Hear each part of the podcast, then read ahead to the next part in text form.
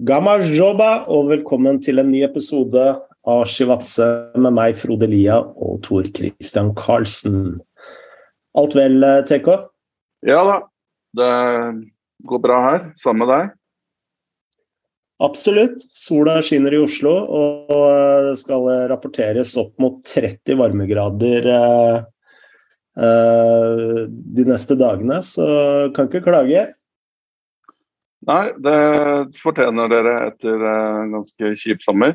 Jeg sitter og ser på værmeldingen her jeg er. Det er jo, akkurat nå er det 31, men den skal opp, dra seg opp mot 40 i løpet av de neste dagene. Så får vi se hvordan det går, da. Ja. Liker du eh, 40 grader, eller holder det med 30? Jeg, jeg, føler det sånn at når det går over en viss temperatur, sånn 28-29, så spiller det ikke så veldig mye om det er 28-29 eller om det er 38, så merker jeg ikke så veldig mye forskjell. Så, mm. Men eh, det er jo deilig å ha et basseng og eh, eventuelt komme seg til sjøen og duppe litt. Hvis det er det det heter. Det blir kanskje feil, men ja. Eh, vi har jo fått veldig mye pepper fordi vi snakket opp danske Superliga og Allsvenskan over Eliteserien, og mer pepper skal det bli. Altså, nå går uh, Bodø-Glimt uh, ja, kan gå hele veien til eh, Champions League, og det er jo to av de viktigste kampene for norsk fotball skal nå spilles. hvilke datoer er det? 16. og 24. august. Playoff til Champions League, og det er moro. Ja, det er jo helt, eh, helt fantastisk um, at de har kommet seg, kommet seg dit. Uh, og så vil jeg oppfordre at lytterne ikke bare får på en måte At vi ikke er oksen med det røde flagget hver gang vi sier noe som kan tolkes bitte litt uh, på en måte skeptisk. Men uh, må jo også legge til at Bodø-Glimt hittil har hatt en ganske komfortabel vei til til den uh, til den playoffen. Altså, de slo Linfield, var det det, i, fra Nord-Irland i første runde. Og så slo de med nesten samme ja, større sifre, faktisk. Uh, Salgeris fra Litauen. Men det er jo klart det er jo ikke noe målestokk. Og selv om Salgeris slo ut Malmö, så, og det på en måte vi uh, står igjen som ganske nakne etter at Malmö fikk den uh, flaue exiten der. Og så er det jo klart at mm. når Bodø-Glimt fikk dette litauiske det, det, betyr jo ikke at det litauiske laget er et fantastisk lag. Nå må jo Malmö komme og forklare hvor, hvor, hvorfor det skjedde det som skjedde der. Um, men det er jo klart Hva blir det uh, Ja. Nei, nå var det vel uavgjort borte der, da, men det var jo håper å si, opplagt at etter 5-0 på hjemmebane, så, så, kunne de eh, disponere ting litt annerledes. Men det er jo fortsatt en imponerende eh, Det er jo fortsatt en imponerende tur eh, de er på. Og, eh, eh, og det som er enda mer imponerende, er jo kanskje at de midt oppi der eh, har kun sluppet inn ett mål i Eliteserien. Uh, kom bortimot Ålesund, ellers har du vunnet 2-0 og 5-0 og, og 7-0. Uh, og det å klare å um, kjempe på to fronter på den måten der, som de også har gjort tidligere da, i, i Europa, det, det syns jeg er egentlig like imponerende som, det de, som de enkeltresultatene de har fått til nå i i, Champions League-kvalifiseringa. Eh, Men nå, nå, blir det jo Nå er det jo money time, bokstavelig talt, da, med Dynamo Zagreb. Og det er jo noe helt annet enn uh, disse lagene de har truffet uh, tidligere. Mm. Jeg husker for en del år siden så var jo Dynamo Zagreb var den Nå snakker vi rundt 2013-2014 ish så var jo Dinamo Zagreb eh, faktisk den klubben som hadde nest flest spillere i Champions League. Altså, de spilte for andre klubber enn Dinamo Zagreb, altså, men Modric for eksempel, er jo en spiller som har vokst opp i Dinamo Zagreb. Hvor gode er de nå? Har du noe oversikt over det, eller? Jeg har ikke sett noe av Dynamo i år. Det skal jeg ikke ljuge på meg. Og, og, det er vel heller ikke de på en måte store, uh, kjempespennende unge spillerne som de har hatt tidligere, da, som er i den generasjonen her. Og vanligvis så pleier de å vinne ligaen med, med, med, ganske stor margin, men i fjor så tror jeg var uh, Haiduk litt var vel helt oppe og, og kjempa ganske lenge da, om, og, om den tittelen. Um, men det er, jo, det er, jo, en klubb med som du sier, med store tradisjoner. og Men har hatt litt problemer i Jeg mener de røyk ut i fjor òg, i playoff. Jeg husker ikke helt om det var Serif fra Moldova, tror jeg faktisk, som de røyk mot. Som da gikk videre og uh, fikk seg uavgjort på Bernabeu, blant annet. Um, mm. Så det her blir jo en skikkelig test, da. det er jo ikke noe tvil om. Um, men um, bare, bare, presisere det før vi går videre. Så, så opplagt nok, da, så sitter jeg uh, langt unna, og du er i Oslo. så Det er derfor jeg er på Zoom. og Det er en del lyttere som er opptatt av lydkvalitet og sånne ting, men det er jo på en mer eller mindre hobbypodkast, så er det eh, egentlig det beste vi kan, kan gjøre. da. Så håper, får vi bare håpe at lyden eh, forblir eh, på det nivået den er på nå. Um, hvis linjene tillater det, da. Så det var bare en liten innskytelse.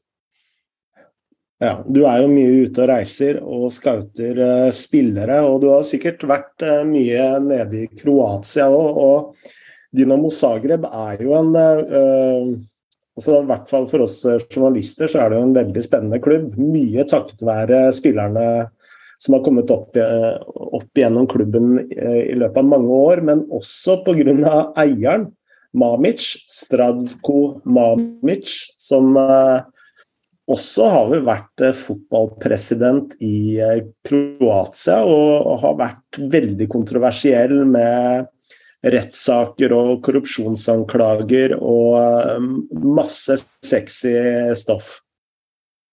Ja, øh, han øh, er jo ganske kontroversiell øh, type. Um, på, holdt på å si Nå er vel ikke han lenger da Nå er vel ikke han lenger offisielt bundet til, til, til Dynamo Zagreb. Og det siste var vel at han han ble vel uh, dømt for uh, Folk kan jo gå og gjøre researchen her, da, men det var jo uh, noe penger i forbindelse med overgangen etter Modric og Loveren, tror jeg, i, for en del år siden. Som mm. det var kontroverser rundt, og, og, og litt sånn forskjellig. Um, og jeg tror han ble da dømt i i fjor. Eh, og er var i hvert fall eh, oppholdte seg da i, i Bosnia, tror jeg. Eh, og jeg vet ikke hvor han er nå, jeg, men om han er tilbake i Kroatia eller om han har gjort bosnier av seg. De har visst, Bosnia har jo da ikke utleveringsavtale til Kroatia, så vidt jeg forstår. Og det er jo grunnen til at han kanskje tok seg en hiatus der. Um, ja. Men det man kan si om Mamic, det er jo at han på, på en måte godt og vondt han Vi har jo nevnt de på en måte eh, kontroversielle tingene, men han har også bygd et system som har eh, eh fostra mange, mange, mange fantastiske spillere. Og det er jo klart at eh, han har visst hva han uh, har drevet med. Altså også av gode ting. Uh, og mm. det har vært en utrolig profitabel uh, klubb uh, og har kunnet solgt spillere for mange, mange hundre millioner kroner. siste store overgangen var vel Hvis jeg ikke tar feil, var vel Guardiol, da. Mm. Venstrebente midtstopper som gikk til RB Leipzig i fjor sommer, er jo linka litt til store klubber nå. Men det ser jo til at han blir veldig god spiller, landslagsspiller. og så er det jo klart at hvis folk vil sette seg litt inn i på en måte fotball prosesser på Balkan, så er jo det en god case study. Du starta med å nevne at han har vel også vært muligens fotballpresident, det husker jeg faktisk ikke. Men, uh, men det er i hvert fall uh, ekstremt imponerende. Men det sier jo mye om kulturen i, i Kroatia og fotballkulturen der. Og, og, det er jo klart, kontra nordisk fotball og litauisk, så har du jo den beste spilleren dårligste, bare sånn, For å si det veldig banalt, da. dårligste spilleren på Dynamo Zagreb er sikkert langt mye bedre enn den beste på, på Linfield eller Salgiris. Så det blir jo en skikkelig test. Jeg husker jo De hadde vel Molde òg, eh, for noe tre-fire år siden. I en uh, lignende kamp. Jeg lurer på om Dinamo vant den på straffer eller noe sånt. Men det kan hende jeg bommer. Og Molde Folk kommer sikkert til å påpeke at jeg surrer her. Eh, på, eh, direkte på podkast. Men eh, ja, er, jeg, jeg, jeg, tipper jo det blir litt sånn bilde av det vi har sett Bodø-Glimt har gjort tidligere i Europa. At på hjemmebane så kan de jo slå absolutt alle. Og de kan slå alle overbevisende på hjemmebane. og så er det jo klart i, i, Kroatia så er jo alt mulig. Nå tror jeg første kampen er der i, i Zagreb. Um, men jeg ville bare bytte litt tilbake til det vi starta med der. Og vi fikk jo som sagt en del tilbakemeldinger på at vi hadde um, vært litt uh, Ja, at vi hadde rangert da, Allsvenskan høyere enn Eliteserien. Eh, og det står jo dårlig sånn når det kommer på en måte eh, ikke bare enkeltresultater, men å se tendenser som kanskje peker i, i andre veien. Eh, men uh, jeg syns at noen av poengene eller noen av de uh, temaene som var gjenstand for diskusjon og for spekulasjon i forrige podkast, de står seg litt. Da Da tenker jeg litt på det med de Hvis vi skal være enige om at norske klubber gjør det på en måte uforholdsmessig godt i Europa, i disse tidlige rundene, som er midt på sommeren. Så eh, For nå har vi jo Viking, og vi har, har Nå er jo LSK på vei ut, men vi har jo på en måte flere imponerende resultater her. Eh, og Molde, da, selvfølgelig, som har eh, år etter år egentlig slått godt fra seg. Men jeg syns det er naturlig da å spekulere i noen eh, argumenter hvorfor Norge gjør det såpass bra. og det, Der tillot jeg, jeg tillot meg å nevne et kunstgress. Jeg tillot meg å nevne at norske lag er i peak-sesong um, når disse tidlige rundene spiller, eh, kontra lag fra andre serier som enten har en sommerferie eller starter opp da litt senere. Og akkurat det argumentet det føler jeg er ganske logisk Eh, forankra. Det er jo Det bør jo være en, en, en fordel at uh, man er i midt i sesong. Uh, jeg tror vel det er ganske ukontroversielt, um, egentlig. Men sånn er det jo, og det er vel også en av grunnene til at et godt argument for at man skal ha sesongen den måten man spiller i Norge, da, fra vår til, til senhøst. Slik at man kan hevde seg best mulig i Europa. Så jeg forstår egentlig ikke hvorfor akkurat det uh, skapte så stor, uh, stor uh, stort opprør på sosiale medier.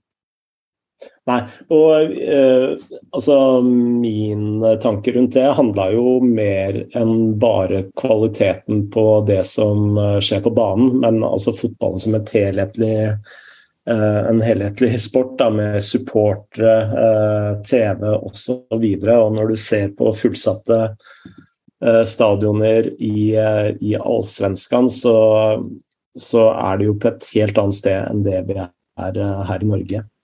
Vi har fått et spørsmål fra Preben Åkre om Bodø-Glimt. og Han lurer på har dere sett noe til Sugail og Kuber? Lurt å hente tilsynelatende ungt og talentfullt fra Øst-Europa.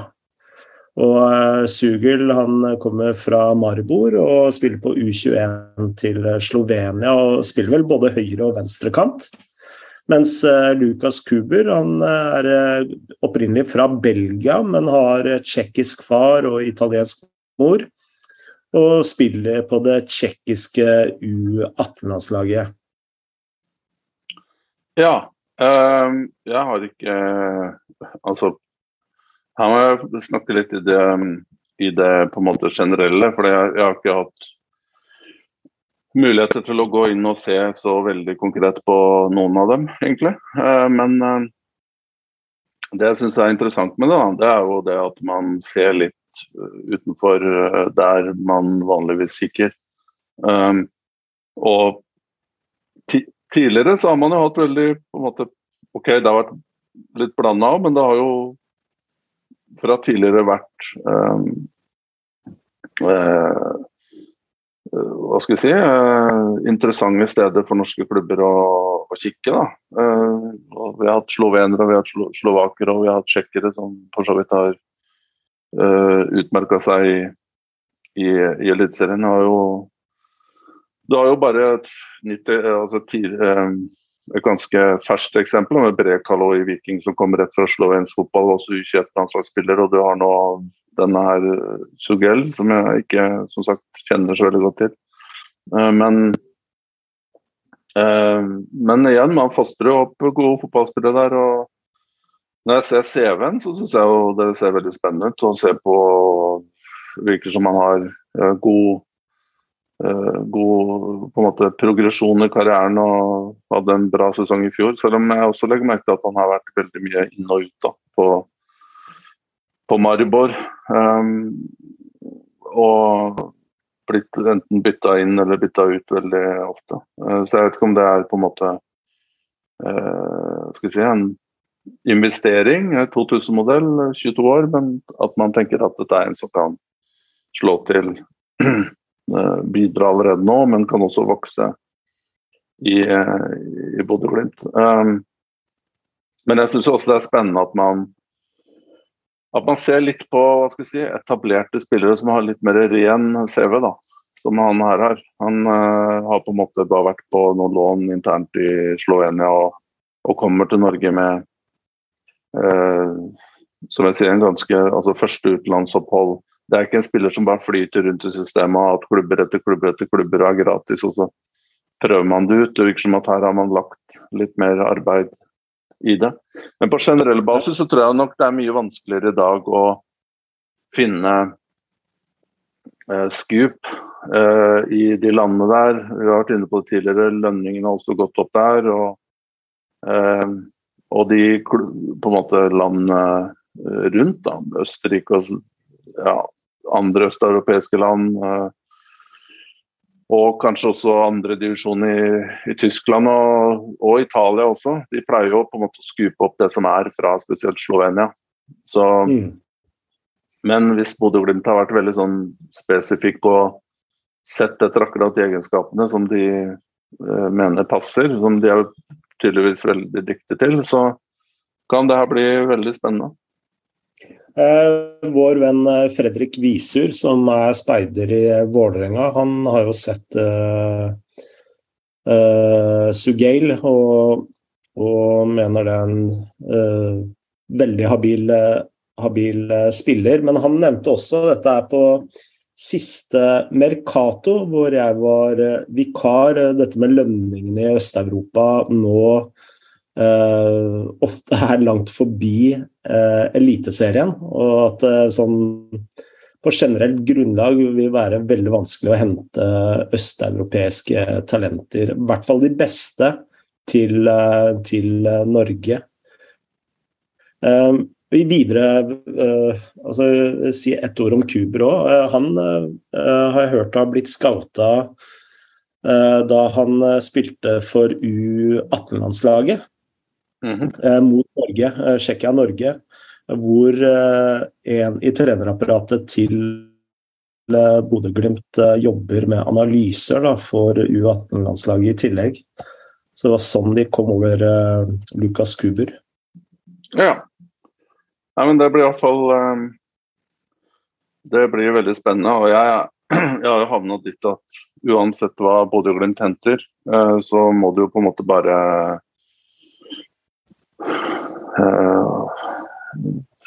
gi det en sjanse. Fordi de, de, fleste ser ut til å slå til der. Og igjen, dette har vi jo snakka om dusinvis av ganger, om at uh, det å komme til et på en måte mønsterbruk med et satt system og et lag som er relasjonelt uh, velfungerende og har, har uh, på en måte vinnermentalitet og så videre, et godt miljø. Det er jo klart det er Sjansene for at du lykkes er mye større da, enn at du ligger på nedre halvdel og, og kaver rundt mm. der og skal ha nye spillere. Det er jo klart liksom da, da, da, da er sjansene for at uansett nesten hvem du henter, for de budsjettene man har i Norge, så har du jo ikke garantert noen ting. men her, eh, her, det faktum at Bodø-Glimt er på det stedet de er i dag, og fungerer på den måten de gjør, så gjør det mulighetene for også at dette skal fungere mye bedre.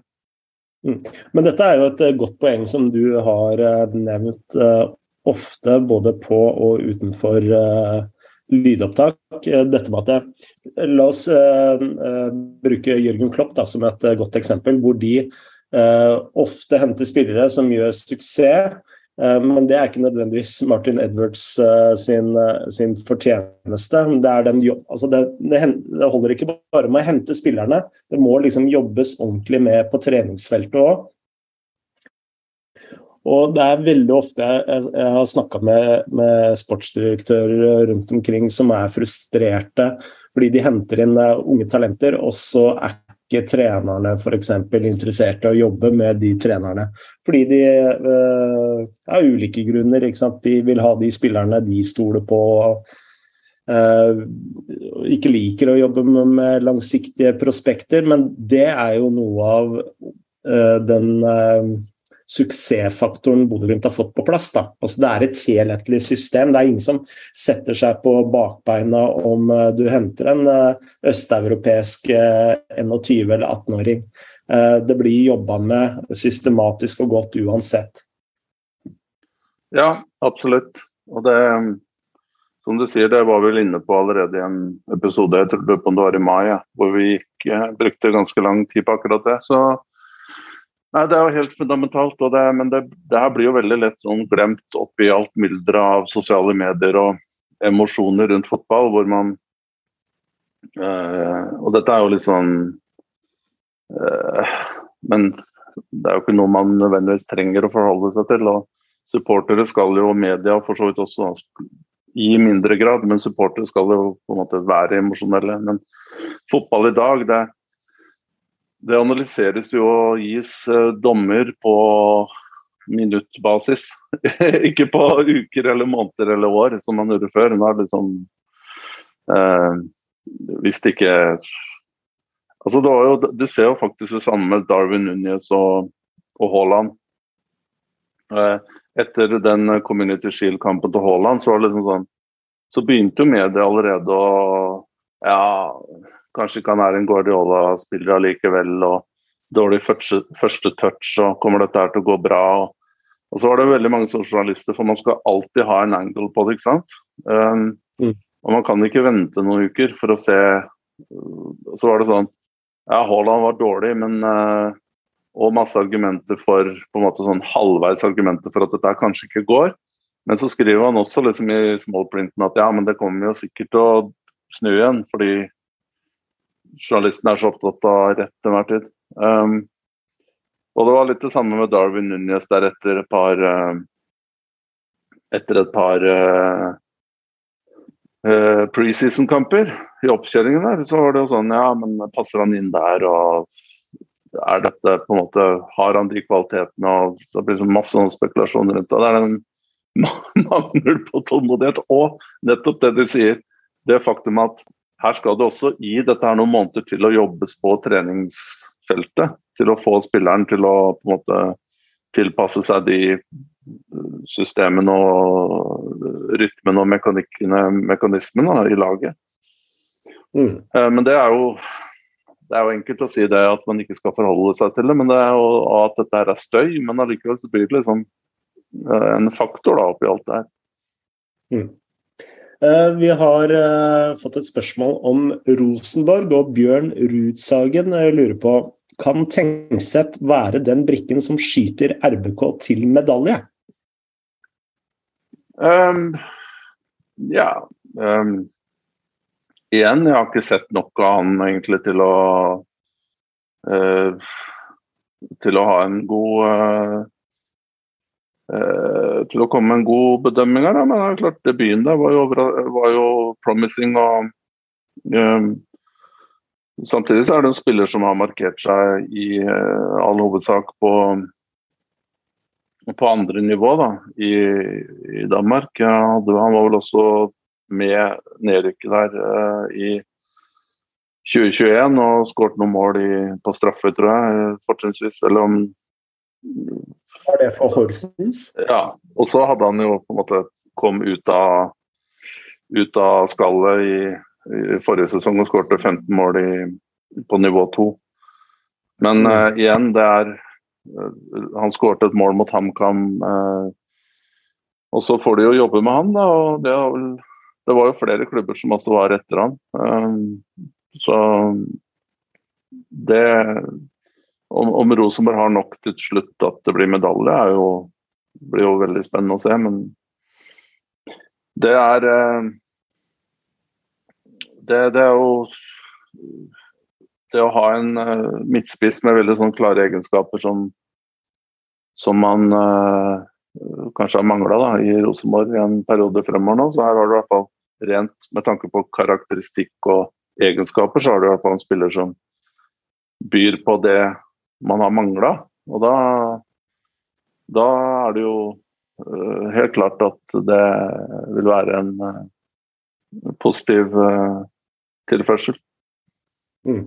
Jeg syns han eh, virka veldig, veldig frisk, men jeg tror fortsatt Molde og Bodø-Glimt er i en helt egen klasse. og nå er jeg litt usikker på hvor lenge Akor Adams er for Lillestrøm, men jeg var på Åråsen også, Lillestrøm-Tromsø, og det var jo åpenbart at de, de savna ham. og det er, det er, noe med grunnspillet til Lillestrøm også som eh, ikke er like overbevisende som det Molde og Bodø-Glimt har. og Jeg sitter med en sånn følelse at det, det, å belage seg på godt forsvarsspill og dødballer, eh, som jeg opplever Lillestrøm litt er da, akkurat nå, eh, at eh, det ikke vil holde helt inn.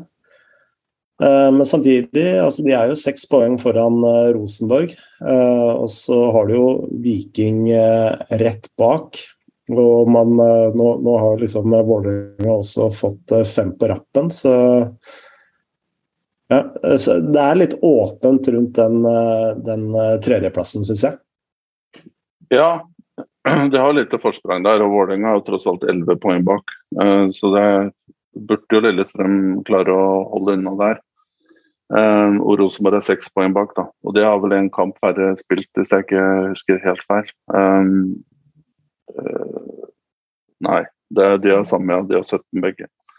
Men Tre poeng bak Lillestrøm, da. Men, ja. Nei, Bodø-Glimt tror jeg er på en måte de, de, kommer nok til å komme seg opp, kanskje også i ryggen på, på Molde. Og så får man jo se hvor mye dette her kommer til å eh, koste dem. da utover høsten. Eh, hvis de skulle komme seg videre med å slå ut eh, uh, Dynamo Zagreb, så er det klart da må de også legge opp ting litt Da er det jo så mye penger i potten i Champions League at du må prioritere litt annerledes enn du ville ha gjort i en conference eller Europa League, egentlig. Mm. så da tipper jeg at vi kommer til å på en måte re tenke litt hvordan de disponerer laget utover høsten. Da er jo ikke det å vinne Eliteserien kanskje lenger en prioritet for dem. da. men jeg ser jo bare på Lillestrøm og de neste kampene, så har de jo et ganske sånn takknemlig oppsett. De har borte mot Jerv eh, neste kamp, og så har de to hjemmekamper, Sandefjord og Kristiansund. Og så har de jo borte mot Vålerenga, som de pleier å vinne.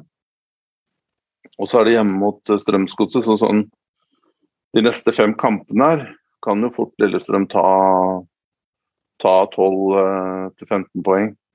Mm. Men jeg, jeg, føler jo allerede at OK, de ble nummer fire i fjor, men allerede så så føler jeg at Lillestrøm har allerede på en måte etablert seg på et nivå som ikke lenger bare er en tilfeldighet. Eh, de har gode spillere i nesten alle posisjoner. og Det er jo fortsatt work in progress eh, i tillegg. Så Og alle kan skåre mål, selv keeperen? ja, jeg fikk med, fikk med den, faktisk. Eh, og, og, at det går litt i stå her rundt, også rundt viktige europakamper og sånn, det er også normalt. Så jeg vil ikke avskrive Lillestrøm ennå, jeg, da. Mm. Eh, vi har fått noen spørsmål om eh, Vålerenga. Eh, Alexander Jansen spør snuoperasjon til Fagmo og Vålerengas overgangsstrategi. Signerer Strandberg, forsøker seg på OI, spillere med store navn. Og Eivind Torstensen han spør hvorfor henter Vålerenga Børven når de har spillere i samme posisjon som har potensialet og er på så å si samme nivå. Eh, svaret til Eivind Torstensen er vel at eh, de som styrer i Vålerenga ikke mener det samme som han. At eh, Børven holder et helt annet nivå. Så den var kanskje lettere å, å signe ut, men men Strandberg og OI inn Eller nå blir det jo ikke noe OI inn, men det, det, sier jo litt om hva de har vært ute etter. Da. Altså det er litt mer voksne spillere med erfaring inn i en ung kropp. Ja, men har de ikke på en måte Er ikke det litt av det samme de holdt på med de siste somrene? Jeg har jo ikke sett at eh, OK, det har kommet unge spillere, det har kommet noen fra eget system. Og det har kommet Odin Thiago Holm kom fra Ranheim eller hva det var. Um, men det har jo kommet dansker der, det har kommet Sota, det har kommet uh, Kjartansson og det er uh, Petter Strand uh, som begynner å se bra ut. Um, Oldrup Jensen har kommet inn, så det er jo ikke sånn at det bare har vært unge spillere Hedenstad man henta. Um, så jeg føler jo at de har jo holdt på med det en god stund. Uh, før vi på en måte går over til det store bildet med Vålerenga, så vil jeg jo bare si at eh, ja, Strandberg, det er jo bra det. Og eh, imponerende signering. Um, og så lenge han er når han er tilgjengelig, så er det klart at norske klubber vil, vil prøve seg. Men det er også en spiller som ikke har altså, har uh, hatt en full sesong på ja, åtte sju-åtte år. Og som mm. har en tendens til å spille kanskje 13-14-15 seriekamper da, i løpet av en sesong. Uh, så det er jo en uh, liten bekymring. Uh, jeg tenker at det er en gamble? Nei, det er jo ikke en gamble. Nå, nå kjenner ikke jeg til sifrene her, altså det økonomiske. Men eh, han skal jo ha til smør på brød, han òg. selv om han fortsatt Selv om han sikkert allerede har, har det. Men han skal jo ikke spille gratis. Men det er jo på en måte en spiller som har på en måte skal jeg si da, falt ned i fanget på dem, på en måte, da, i og med at Vålerenga er i Oslo. og Kanskje det er et sted han ønsker å slå seg ned etter karrieren og, og, sånne ting. Det er jo Hvis du på en måte har Nå er vel han sørlending, men det er vel, var vel uaktuelt å spille i start da, i, på nivå to. og Brann er i Eh, nivå to, så er det jo egentlig bare Vålerenga og Rosenborg som er aktuelle, hvis du på en måte har noen utenom sportslige, på en måte at du har lyst til å bo i en by eller i et på en måte mer urban setting enn i Molde. da. Mm. Så, er det jo, så det er jo på en måte en spiller som Hadde han vært utlending, så hadde jo ikke han kommet til Vålerenga, på en måte. Uh, for å si det på en måte. Uh, så det er jo en spiller du tar, og bra. Supporterne er fornøyde. Um, Børven tenker jeg er, synes jeg er en veldig spesiell spiller som uh, ikke har skjønt uh, meg så veldig mye av. Som har liksom hatt et par veldig veldig gode sesonger. Den første i Vålerenga ble solgt av Når var det? Ti år siden ish. Gikk fra, han gikk fra Vålerenga til, til Holland, og da var han jo begynnelsen av 20-årene. Og så etter det så må du jo spole fram til den utrolige sesongen. Han ble vel toppskårer da med Odd og Fagermo i, i 19, var det vel. Mm. Eh, og, og, mellom det så er det jo nesten ikke noe mål. Da var vært Brann og uh, uten noe suksess. Uh, altså her, For uh, siste klubb Gaziantep så har han faktisk ikke skåra et eneste mål på 14 kamper. Nei, og det var vel også da Men det, det er jo klart det er jo toppnivå i, i Tyrkia, så det er jo litt andre forhold og nivå, da. Men det her, det her er jo Fagermo som uh, vil ha sine, og han vet akkurat og har bevist tidligere hvordan han skal bruke Børven. Og de har sikkert et godt, uh, godt samarbeid og, og kjenner hverandre, så det er jo for så vidt uh, en no-brainer, da, sånn sett. Um, og så er det jo på en måte på et overordna nivå, så føler jeg at det er litt sånn nå er det jo veldig vanskelig, sånn er det jo også i fotball, at eh, det, når det går dårlig, så er alt, da er alt håpløst, ikke sant. Og da er ikke noen, noe, noe, bra. Når det går bra igjen, og vinner noen kamper, så er alt i orden. Og det er jo en av de store på en måte, misforståelsene som kanskje folk som ikke har hatt muligheten til å ha så mye innsikt behind the scenes, da. Kanskje den store tabben man Eller den kognitive dissonansen altså man begir seg ut på. At, eh, at, suksess også kan, eller kortsiktig su suksess, da, kan, kan uh, maskere større langsiktige strukturelle utfordringer, som vi også snakka om her tidligere på, uh, på Chivadze. Um, angående Vålerenga. De, de store spørsmålene der, de står jo fortsatt ved lag, vil jeg, vil jeg si. Eh, og nå ser jeg også i media eh, Nå har det blitt spekulert i at det var den at, at, det var den uh, uh, motivasjonspraten. Uh, nå er det store anførselstegn Jeg var ikke inne i det rommet, så kanskje jeg ikke bør anførselstegne det. Men at det var den episoden på Ekeberg mye kommentert med investor som uh, kommer seg inn i et møterom eller garderoben eller hva det er og prater med spillerne. Og at det er det som gjorde til at det snudde. Uh, det har jeg sett en teori på her nå, da, som er uh, noe av det mest spesielle jeg har i hvert fall observert i media de, de siste, dagene. Um, Eller så var det en, eh, en, eh, et sleivspark fra Lajoni mot Sarpsborg som endte med en keeper og ballen gikk i mål. Eller så var det det som snudde det hele. Ja, altså jeg, jeg, tror det er undervurdert med tilfeldigheter òg. At du får en seier, eh, en, en, kanskje en enkel seier, og så, så, så du, kommer du inn i en flytsone etter det. De slo jo Kristiansund 3-0 før det, det er, men det er jo på en måte I den tilstanden Kristiansund er i nå, så er jo det en pliktseier for Vålerenga, egentlig.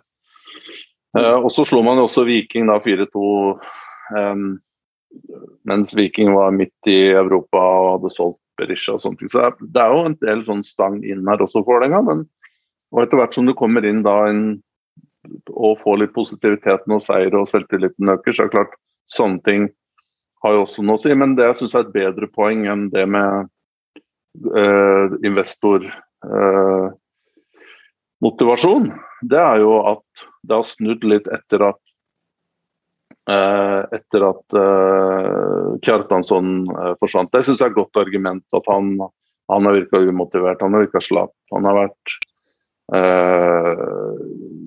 veldig sånn disconnected fra det kollektive til Vålerenga. Gir deg ingenting utenfor boksen. Ikke en god mm. oppspillspiss, ikke sant. Uh, og at, at, det at man uh, på en måte uh, Både han og Dønnum forsvant, det, det, kan jo ikke være tilfeldig, tror jeg.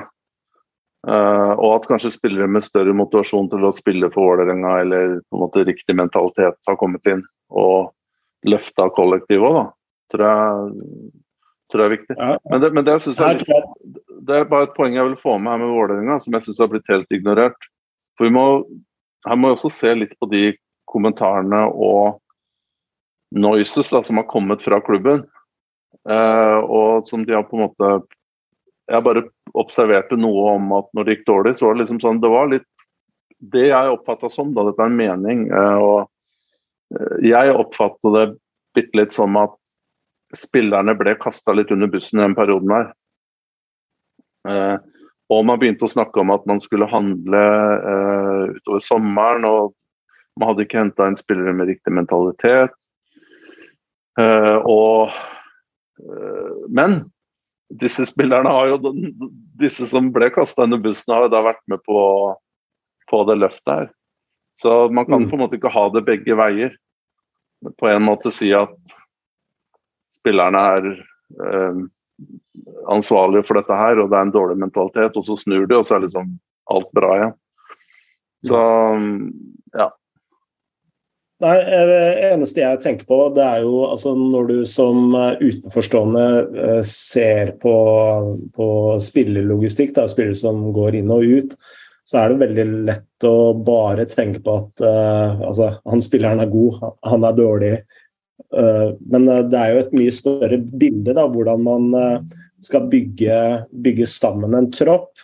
Og Du var jo inne på dette med Kjartason og, og Dønnum som, som forsvant, som virka umotiverte. Altså, det har vel også vært skrevet i media at de har vært ikke veldig positive å ha inni en garderobe. Uh, og der tror jeg at uh, signeringen av Strandberg er uh, veldig, veldig bra. Altså kapteinsemne, ledertype. kanskje akkurat det Vålerenga trenger. Så selv om ja, han er skadeutsatt, han begynner å bli gammel, han er kanskje veldig dyr, men han har noe å tilføye som uh, vi ikke klarer å se uh, oss utenforstående da, med det blotte øyet. Så uh, jeg er litt sånn spent på hvordan den signeringen har å si overfor Vålerenga som klubb, da, og, og, og, da særlig garderoben. Ja, ja absolutt. Og det er, det er nok et veldig godt argument, det. Um, og Eh, og så tror jeg også at eh, eh, at Ja, så kan man på en måte se dette fra forskjellige vinkler. Men så lenge Fagermo er trener og han har tillit, så er det jo også forståelig at på en måte Børven blir henta, som han har jobba med tidligere og har har uh, gode, gode, resultater med. Og så ser man jo også da um, Av det jeg har sett, da, så er jo bl.a. også Petter Strand, som er en sånn typisk Fagermo-spiller som, som har noe, etter å ha vært litt, kanskje litt ut og inn uh, har starta de fleste kampene og bytta litt ut og sånn tidligere i sesongen. Og ikke kanskje fått vist så veldig mye, men han, han begynner jo å ser bra ut. Uh, som er en typisk Fagermo-spiller, som jeg sier. Uh, men, men igjen, vi får ta en Det blir sikkert mer snakk om Vålerenga. Og i Norge så er det jo veldig sånn streak-basert. Mm. klubber bruker å taper veldig mange kamper på rad, og så snur de det, og så vinner de mange kamper på rad uten at man egentlig klarer å finne helt grunner til det. er jo Selvtillit eh, jo, er jo en selvsagt en faktor her. Og så blir det også litt spennende å se etter overgangsvinduet er eh, over. Eh, klarer de å holde på Sarawi, klarer de å holde på Intiago Holm, da. Som mm. også sistnevnte her, som har vært helt nesten en playable i et par kamper. Eh, og det, det Han er, er så latterlig god. Ja, så hvis man mister han, så er det jo klart at da, da er det jo uh, må man jo får man utfordringer der. Mm. Eh, skal vi snakke litt om internasjonal fotball, og det er jo særlig to klubber som gjør seg gjeldende i negativ forstand. og Barcelona er jo en klubb som eh, aldri slutter å overraske. Og, overraske, og eh, altså, jeg er helt eh, hoderysta over den behandlingen eh, eh, Frenkie de Jong og Braithwaite og flere har fått oppleve den siste tiden. Jeg vet ikke om du så Eh, så Braithwaite eh, komme ut på banen og ble bua av et eh, nærmest fullstatt Spotify Camp Nou her forleden. Han er jo en av de som blir forsøkt pressa ut av klubben, men han, han, han forlater ikke Barcelona før han fått utbetalt resten av sin toårskontrakt. Altså, hva tenker du rundt det som skjer i Barcelona nå? Er det ikke fullstendig surrealistisk? Jo, det er jo det. Og jeg, så den snutten med Braithway som som ble møtt med pipekonsert fra egne supportere fordi han egentlig bare gjør jobben sin. og det, det, er jo helt, eh, helt uh, forkastelig. Og jeg synes også på en måte, jeg følger jo litt med på sosiale medier og, eller Twitter, da, i, i, i, der på en måte mest av fotball uh, hva skal jeg si, diskur, diskursen uh, foregår. og dette er også en av de store på en måte filosofiske eh, hva skal jeg kalle det, eh, ikke problemstilling, men som kan frustrere. da. Eh, mange tror jeg, som prøver å være litt oppi alt det her, prøver å være litt analytisk og klartenkte. Det er jo at supportere blir veldig sånn, eh, ikke veldig, ekstremt navlebeskuende og uansett hva klubben Du kan på en måte ha IS, eh, få inn IS som sponsor, så klarer klubben og supporterne å på en måte Bare det er nok penger, så klarer man å rettferdiggjøre det. Eh, det er som, uansett hva klubbene gjør og hvilke grep de gjør, eh, så er det bare total lojalitet fra supporterne. Og det er jo ikke det det handler om å være supporter.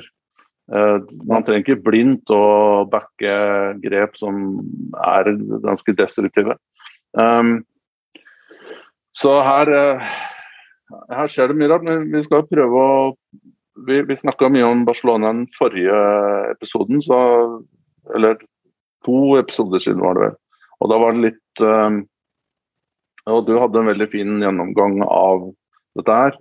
Uh, vi hadde litt mm. lydproblemer på den episoden, men lytterne kan jo eventuelt også, de som ikke fikk det med seg, kan jo spore tilbake et par uh, noen uker. Jeg eh, tror det er nest siste episode hvor vi gikk gjennom det. Men vi fikk jo et ganske eh, relevant eh, spørsmål fra en lytter om det her, gjorde vi ikke det, Frode? Som tar for seg egentlig kjernen av det vi snakker om. Ja, jeg kan jo kanskje forenkle og oppsummere hva dette egentlig handler om. Og det handler om at Barcelona er jo teknisk konkurs. Laporta har jo sagt det at Eh, hadde dette vært et eh, aksjeselskap, så hadde bruket vært eh, konkurs.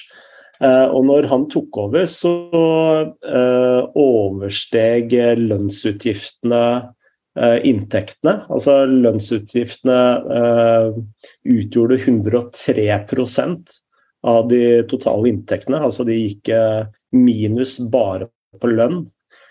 Uh, og La Liga har jo et slags uh, financial fair play-system uh, hvor man helst ikke skal bruke mer enn 70% av, av inntektene sine, og så er det en del unntak innenfor det, dette her, da. Men, men konsekvensen av det er at Barcelona kan ikke ikke eh, registrere nye spillere. og Dette var også hovedårsaken til at Messi forlot Barcelona. Eh, fordi han, eh, da han skulle signere en ny kontrakt, så, så selv om han halverte lønna si, så hadde de ikke plass til han under dette lønnstaket.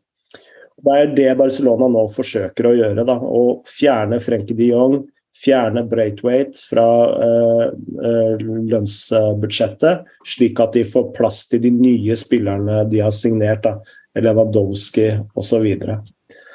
Uh, og uh, med tanke på også, Ikke nok med det. altså det, det, jeg egentlig reagerer mest på, det er litt sånn skitne triks eh, eh, som de bruker overfor disse spillerne, bl.a. overfor Braithwaite. Så Eh, så mener de at eh, kontrakten hans ikke er gyldig, og de kommer med, med argumenter om at dette ble gjort under et eh, annet regime, og dette regimet var ikke var korrupt og, og masse, masse rør, uh, som, man, som, man, kaller det på rubriket.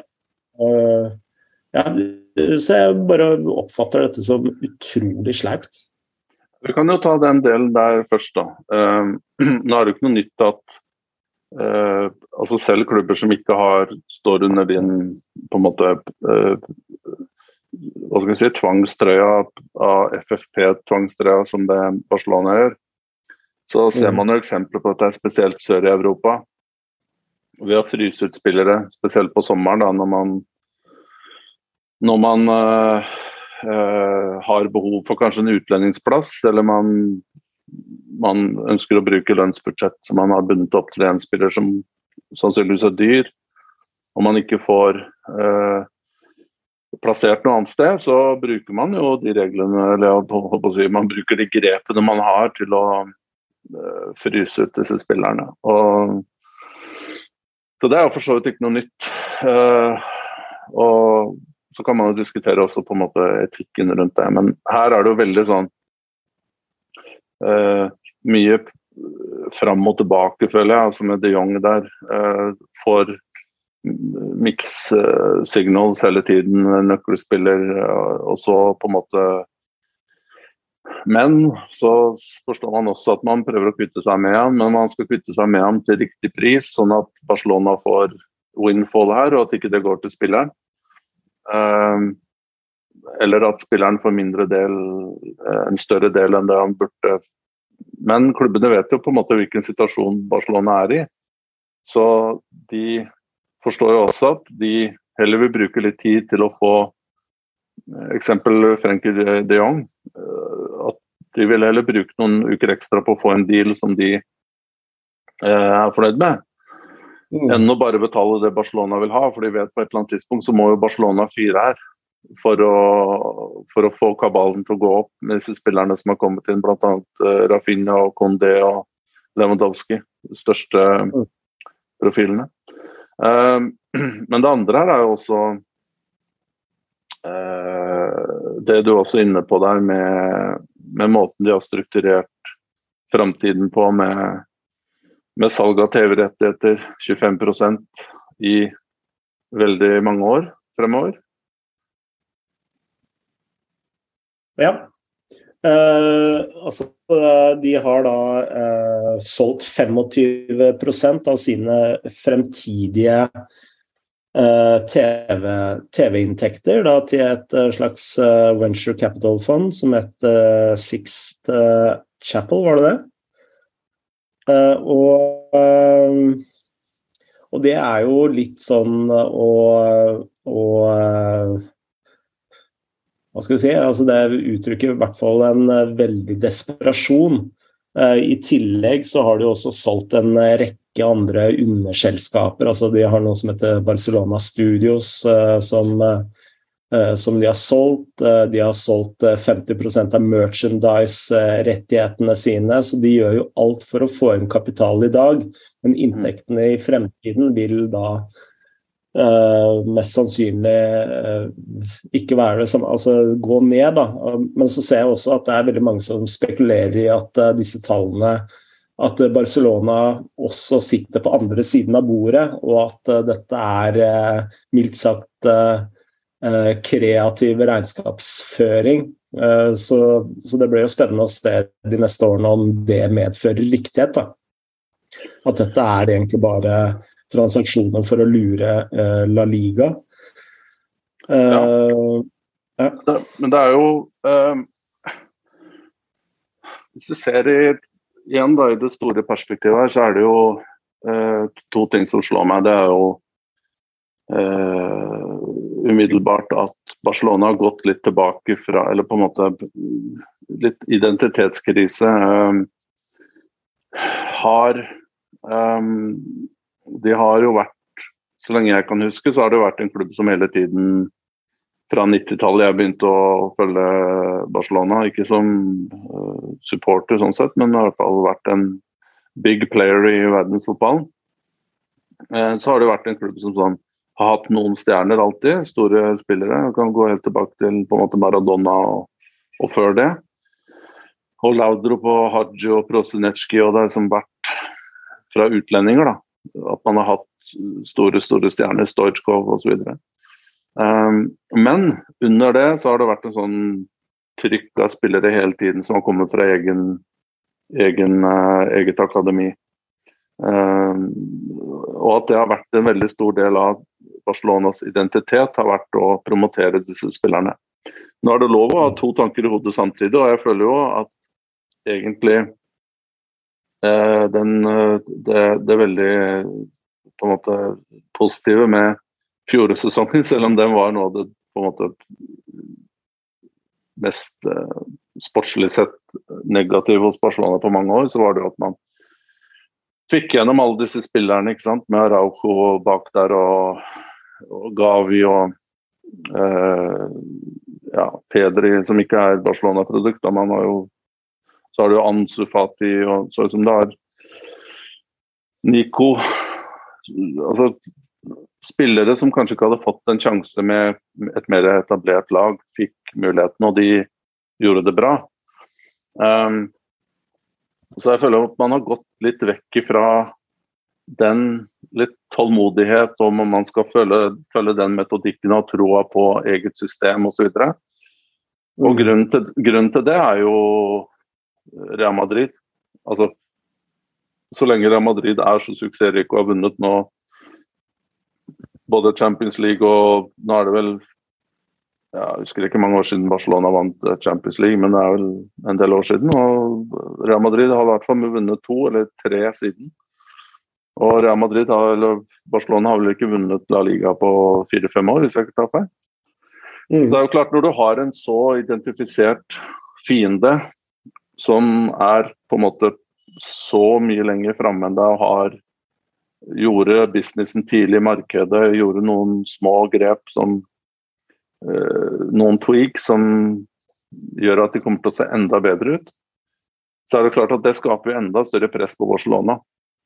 Mm. Så det er vel det rivaleriet der som også driver det. Men det Barcelona tenker, og det er jo en gamble, det er jo at man skal komme ved hjelp av disse signeringene her. og Hvis man får registrert alle, Lewandowski og vi nevnte Condé og, og Rafinha og, og, øh, og, for så vidt Kessie, som også var, og Christensen, som var uten kontrakt.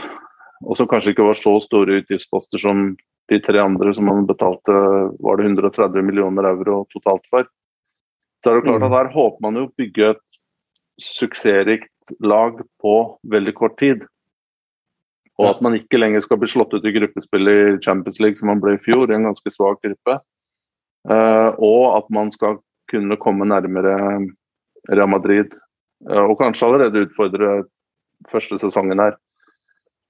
Og at det igjen skal, skal generere eh, nok inntekter til at, og at det kommer inn igjen på en måte flow som gjør at inntektene og ja, fra alt, ikke bare sportslig gjennom, eh, gjennom eh, prispenger, men også gjennom kommersielle avtaler som gjør at, som gjør at Barcelona igjen kan på en måte behandle gjeld, og at de kan reinvestere, og at, de, at inntektsstrømmene blir mye mye større. Da. Eh, men det er jo en gamble. I fotball så vet du aldri hvordan disse her Klarer man å sette sammen et lag ut av det? Um, Forventer man for mye på kort tid osv. Og, det siste poenget mitt er jo det med Superliga. At jeg tror fortsatt det er mange, og du nevnte jo litt om uh, den på en måte prosessene som foregår nå, bl.a. i i Luxembourg, om at det fortsatt er Real Madrid, Barcelona og Juventus er det vel, som fortsatt ønsker en superliga. og De tar denne kampen også for flere andre. for hvis, hvis dette her viser seg å være i strid mot eh, konkurranseregler osv., så, videre, så og Superliga vil eh, materialisere, så er det klart at da er jo da, da, snakker man om inntekter som sannsynligvis vil være helt, på et helt annet nivå enn det som er i dag. Så Det er nok også en del av den uh, strategien som man ser Barcelona holder på med. Ja, det, altså det er jo uh, altså det, Barcelona Real Madrid er jo ufattelig upopulære i Spania akkurat nå. Uh, så nå har vel ingen av de øvrige La Liga-lagene villet stille til treningskamper uh, mot, uh, mot, de to. Så ja. Uh, jeg lurer på om vi skal komme oss litt videre. Vi har fått et spørsmål fra Petter M. Støvland. Han spør er Kulusevski Nordens og Premier Leagues mest undervurderte spiller. Flest assist i 2022. Premier League nest flest i topp fem-ligaene. Enormt det han leverer hver helg. Um, ja, altså jeg er litt sånn Du spør jo feil, eh, feil eh, i feil forum her. fordi vi har jo rata Kolosevskij ganske høyt i en lengre tid. og jeg må jo bare og Så kan jo lytterne kose seg litt med det at jeg refererer til disse U21-listene mine hele tiden på ISB-en. Eh, og det kommer jeg til å fortsette å gjøre, til alles eh, glede og, og desperasjon. Men eh, han var jo allerede inne på den lista i 2020.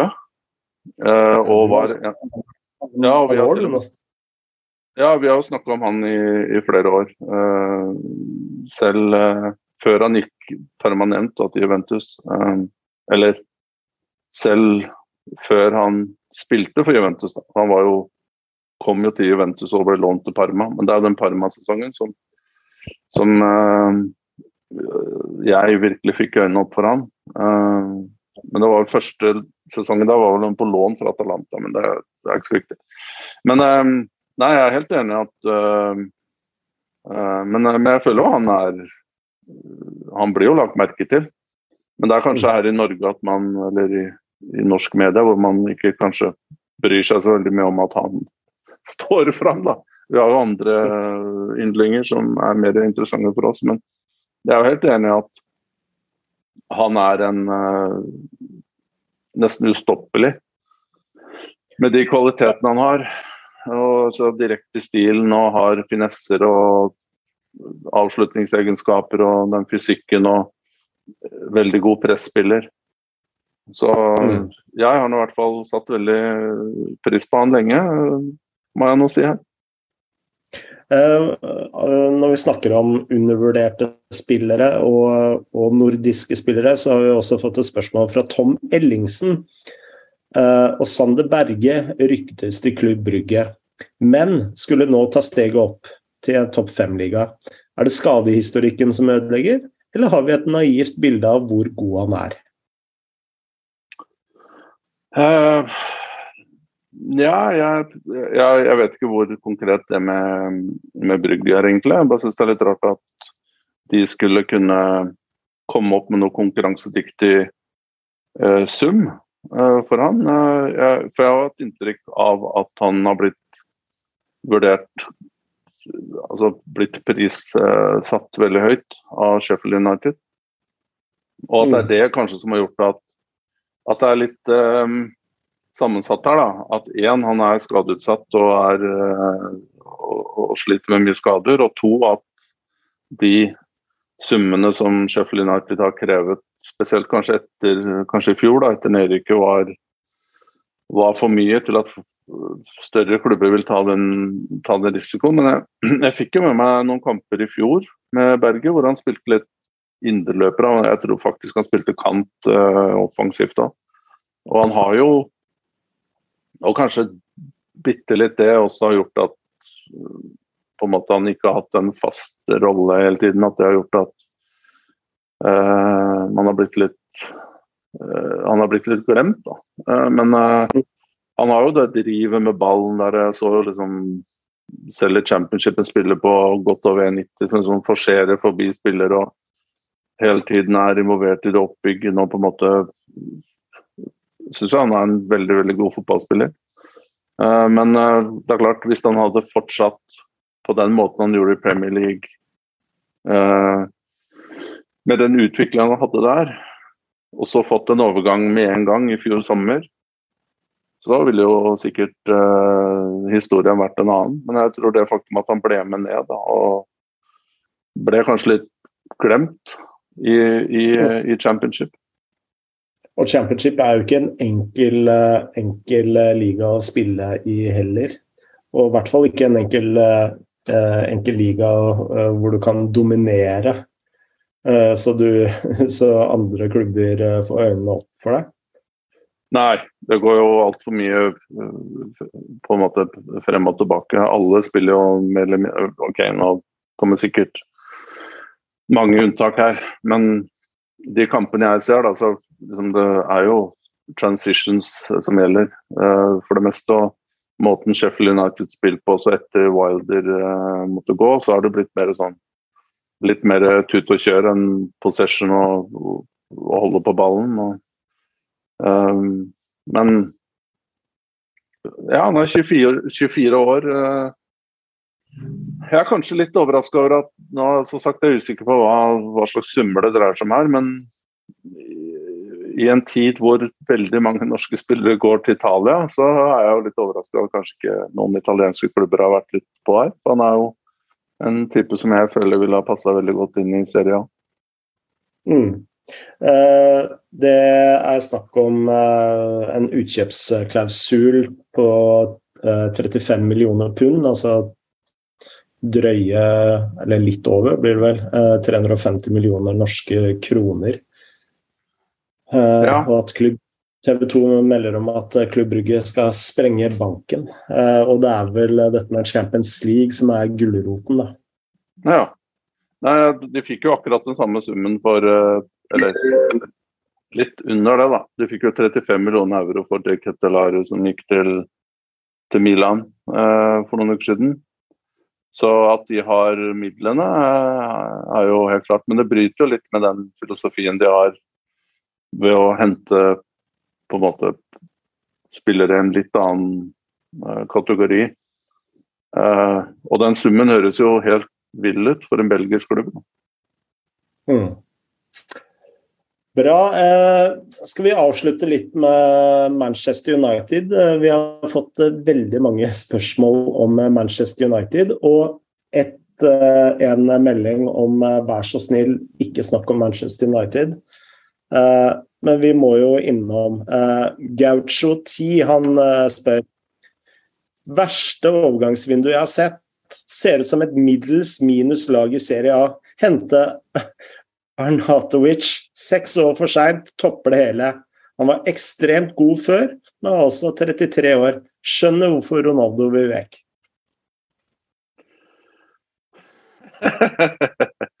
ja, nå ble det jo ikke noe av Arnautovic. Om det var pga.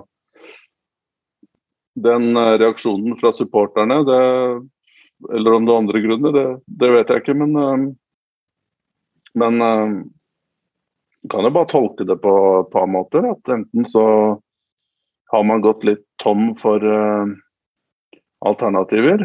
Uh, og energi. altså, man begynner å gå på spillere som er tilgjengelige og som er på en måte uh, enkle å få tak i. da. Som er på markedet. Rabiot også er linka. Gjenta det, er du snill. Rabiot, ja. ja det, det har jeg fått med. Men det er også en spiller som Juventus sikkert ønsker å kvitte seg med. Så det, poenget mitt står jo at man begynner å se på spillere som, som er tilgjengelige til en viss grad.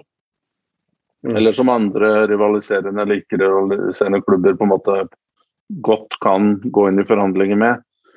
Men jeg tror vi må spole litt tilbake her for å finne noe av problemene. Og igjen, det er bare å Faste lyttere vil jo ha fått med seg at vi har snakka om det tidligere. Og jeg var inne på dette her eh, litt i kanskje mai-april, da Ten Hag ble, ble offentliggjort. og må, man må se på en måte det siste halvåret her, eller det siste tre kvart året litt eh, som en helhet for å forstå litt av problemene. Eller du kan også spole enda lenger tilbake, selvsagt. Kan, det er til og med argument for at man på en måte kasta bort et par år med Solskjær. Eh, hvor man kanskje som Manchester United, som en av verdens største klubber, burde ha henta en trener som hadde en annen CV. ikke sant? Uh, og så er det argumentet der med at man har også henta for teknisk direktør, som ikke har CV, ikke har uh, erfaring eller bakgrunn. Uh, og så kan man også ta det helt opp til Glazers, og, men det spørs hvor, hvor, langt vi skal på en måte trekke dette her. Men noe av de mer umiddelbare problemene i det vinduet her, føler jeg er det faktum at man det styret med Ragnhild der, som igjen jeg skjønte veldig lite av, du henter han som hovedtrener. Eh, mm. og Dette ble bare en kort repetisjon i en rolle han egentlig ikke har suksess på mange mange år. Eh, uttalte vel også for en del år siden at han så på seg selv mer som en strateg og som en uh, klubbbygger enn en hovedtrener. Uh, og så kan det være at Manchester United fortsatt lever i den verden hvor de tror at en trener kan være begge deler, men det er jo nok bevis på det rundt om i verden uh, hos suksessrike klubber at det er vanskelig å få til i dag.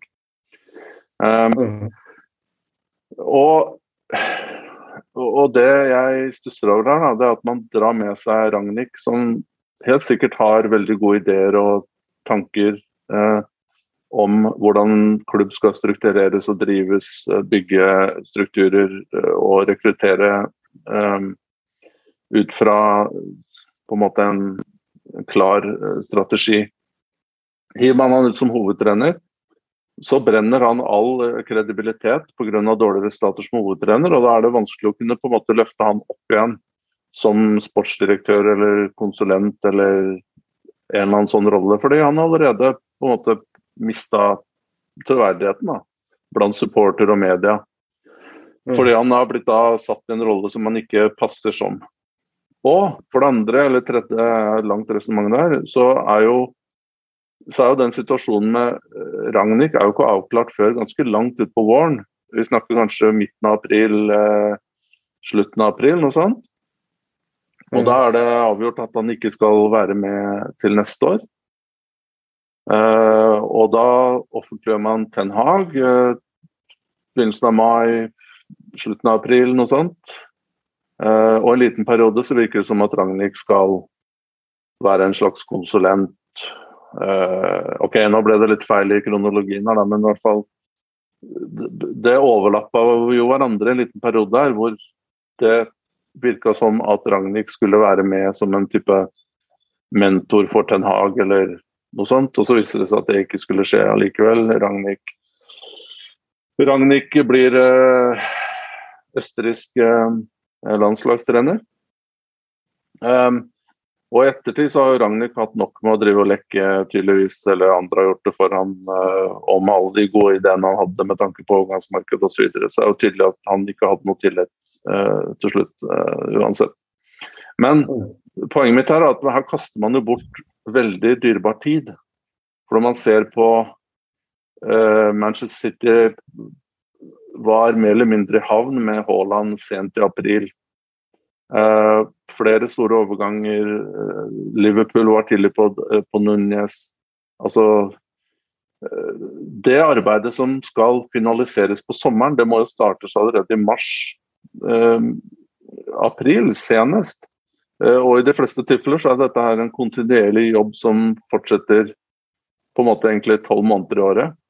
Hvor man egentlig har dialog med spillere, eventuelle kandidater. Fordi man har en viss filosofi og man har et system som gjør at man mer eller mindre kontinuerlig vet hvilke spillere som skal være aktuelle.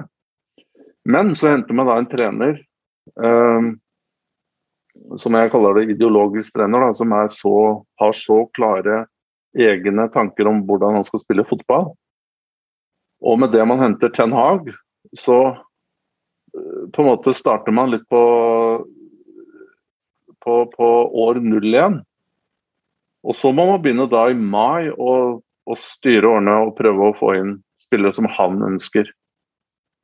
Og da har man endt opp i en situasjon hvor uh, Ten Hag, som tydeligvis som er en veldig veldig god fotballtrener, det er ikke noe tvil om det. Og han har interessante ideer og alt mulig. Men da er man i en situasjon hvor, hvor det kommer opp hollandske eller Holland-assosierte spillere. Det har kommet tre spillere inn. Det er Eriksen som har spilt i Ajax.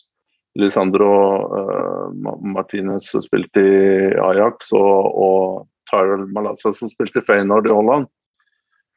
Så nå er man liksom Alle de strukturene som man trodde at Manchester United skulle bygge uh, i løpet av de siste årene, de er jo ikke der. Det, Nei, og, det, det, det, og nå begynner man å styre i august med å, å, å hente på en måte overflødige spillere på markedet som, som, ingen andre Eller som klubber ønsker å kvitte seg med når alt kommer til alt. Man kommer jo ikke unna det faktum at uh, man spiller med Fred og McTominay på midtbanen. Uh, og det er vanskelig å spille uh, Ajax-fotball med Fred og McTominay på midtbanen. Sånn er det bare. Ja, det, men her kan du nesten gå gjennom hele laget, og så kan man jo spørre seg hvilke av disse spillerne er det som har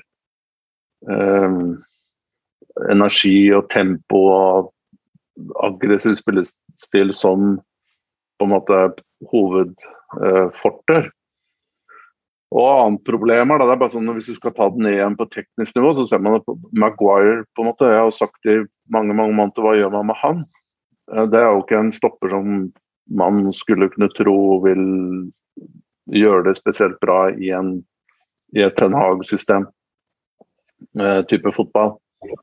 Uh, og og nå har man jo Men eh, det er på en måte komponenter Se på spillestand, det vet vi jo på en måte har vært der hele tiden. og De problemene der er jo åpne for alle til å se. Men sånn rent fra et overordna sted så har man ikke på en måte klart å løse dette her sånn at man kan i framtiden klare å unngå å ende i samme situasjon igjen. Mm. Nei, det ser ikke veldig lovende ut for Premier League. I forrige podkast så tippa jeg vel dem eh, ganske langt ned på tabellen. Ja, Premier eh, League ser det jo lovende ut for, da. Men kanskje ikke Manchester United? Ja, riktig. ikke for Manchester United. Men igjen, eh, vi, vi, vi har spilt én kamp, og ting kommer til å Det, det kommer til å bli en lang, lang sesong, men det er klart bare sånn Og jeg er ikke den som avskriver Manchester United en Champions League-plass allerede, men eh, Og vi har ikke vært innom Cristiano Ronaldo og alle de eh, på en måte faktorene rundt han. Alle er veldig kjent med dem. Um, men jeg er i hvert fall opptatt av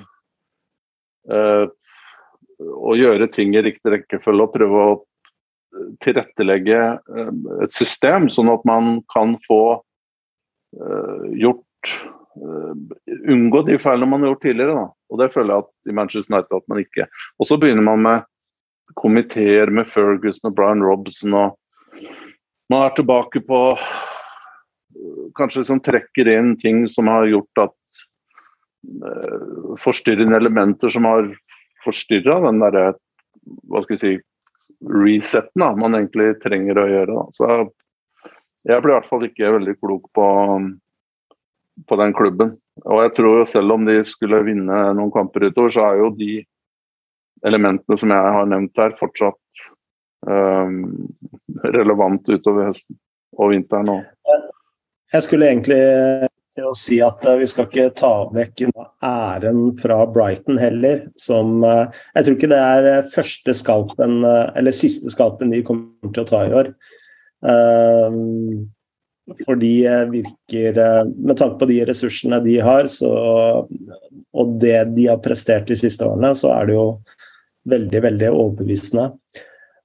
Men eh, jeg lurer på om eh, vi må, må avslutte denne hyggelige passiaren, eh, TK? Ja, det syns jeg vi bør gjøre. Jeg har et åtteårslag jeg skal rekke her. Ja, da blir vel du sysselsatt resten av kvelden, går ut fra? Det blir jeg. Da bare sier vi som vi alltid sier her i Shivatse, gamma joba og på gjenhør.